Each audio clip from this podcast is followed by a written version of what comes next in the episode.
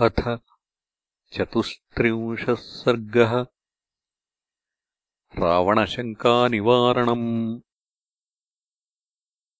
तस्यास्तद्वचनम् श्रुत्वा हनुमान् हरियूथपः। दुःखाद्दुःखाभिभूतायाः। सान्त्वमुत्तरमब्रवीत् अहम् रामस्य सन्देशात् देवि दूतस्तवागतः। वैदेहि कुशली रामः त्वाम् च कौशलमब्रवीत्। यो ब्राह्ममस्त्रम् वेदांश्च वेदवेदविदाम् वरः स त्वाम् दाशरथी रामो देवि कौशलमब्रवीत्। लक्ष्मणश्च महातेजा भर्तुस्तेऽनुचरः प्रियः कृतवान् शोकसन्तप्तः शिरसा तेऽभिवादनम्। सा तयोः कुशलम् देवी निशम्य नरसिंहयोः प्रीतिसंहृष्टसर्वाङ्गी हनूमन्तमथाब्रवीत्। कल्याणी बतगाथेयम् लौकिकी प्रतिभाति मा। एति जीवन्तमानन्दो नरम् वर्षशतादपि। तया समागते तस्मिन् प्रीतिरु उत्पादिताद्भुता परस्परेण चालापम् विश्वस्तौ तौ प्रचक्रतुः। तस्यास्तद्वचनम् श्रुत्वा हनूमान् हरियूथपः सीतायाः शोकदीनायाः समीपमुपचक्रमे यथा यथा समीपम् स हनूमानुपसर्पति तथा तथा रावणम् सा तम् सीता परिशङ्कते अहोधिक् दुष्कृतमिदम् कथितम् हि यदस्य मे रूपान्तरमुपागम्य स एवायम् हि रावणः तामशोकस्य शाखाम् सा विमुक्त्वा शोककर्षिता। तस्यामेवानवद्याङ्गी धरण्याम् समुपाविशत्। हनुमानपि दुःखार्ताम् ताम् दृष्ट्वा भयमोहिताम्। अवन्दतमहाबाहुः ततस्ताञ्जनकात्मजाम् सा चैनम् भयवित्रस्ता भूयो नैवाभ्युदैक्षत तम् दृष्ट्वा वन्दमानम् तु सीता शशिनिभानना। अब्रवीद्दीर्घमुच्छ्वस्य वानरम् मधुरस्वरा मायाम् प्रविष्टो मायावी यदि त्वम् रावणः स्वयम् उत्पादयसि मे भूयः सन्तापम् तन्न शोभनम् स्वम् परित्यज्य रूपम् यः परिव्राजकरूपधृत् जनस्थाने मया दृष्टः त्वम् स एवासि रावणः। उपवासकृशान् दीनाम् कामरूपनिशाचर। सन्तापयसि माम् भूयः सन्तप्तान् तन्न शोभनम्। अथवा नैतदेवम् हि यन्मया परिशङ्कितम् मनसो हि मम प्रीतिः उत्पन्ना तव दर्शनात् यदि रामस्य दूतस्त्वम् आगतो भद्रमस्तु ते पृच्छामि त्वाम् हरिश्रेष्ठ प्रिया रामकथा हि मे गुणान् रामस्य कथय प्रियस्य मम वानर। चित्तम् हरसि मे सौम्य नदीकूलम् यथारयः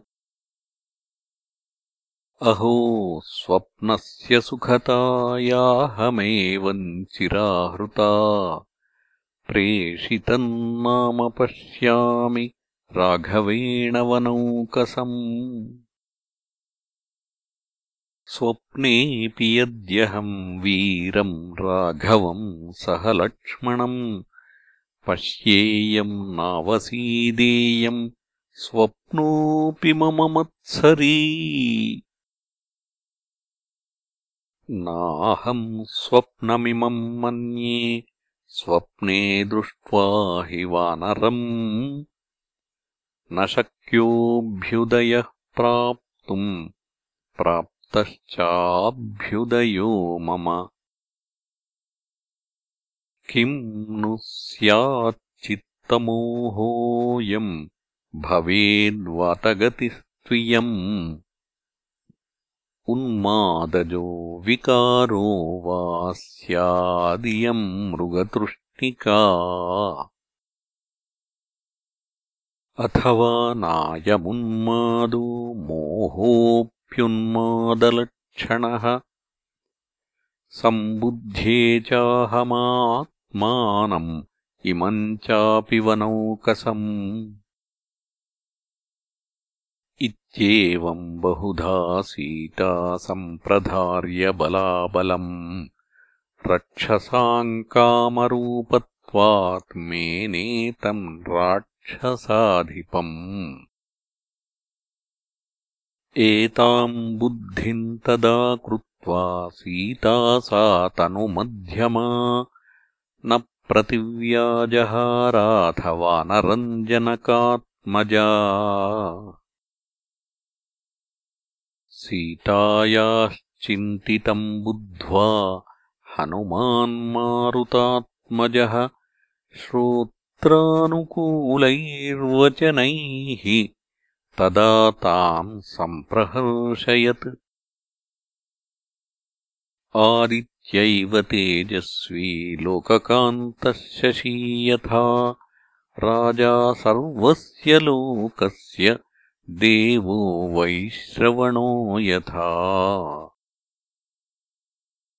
विक्रमेणोपपन्नश्च यथा विष्णुर्महायशाः सत्यवादी मधुरवाक् देवो वाचस्पतिर्यथा। रूपवान् सुभगः श्रीमान् कन्दर्पैव मूर्तिमान्। स्थानक्रोधः प्रहर्ता च श्रेष्ठो लोके महारथः। बाहुच्छायामवष्टब्धो यस्य लोको महात्मनः। अपकृष्याश्रमपदात् मृगरूपेण राघवम्।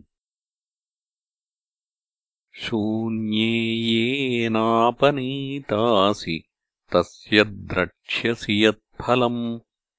न चिराद्रावणम् सङ्ख्ये यो वधिष्यति वीर्यवान्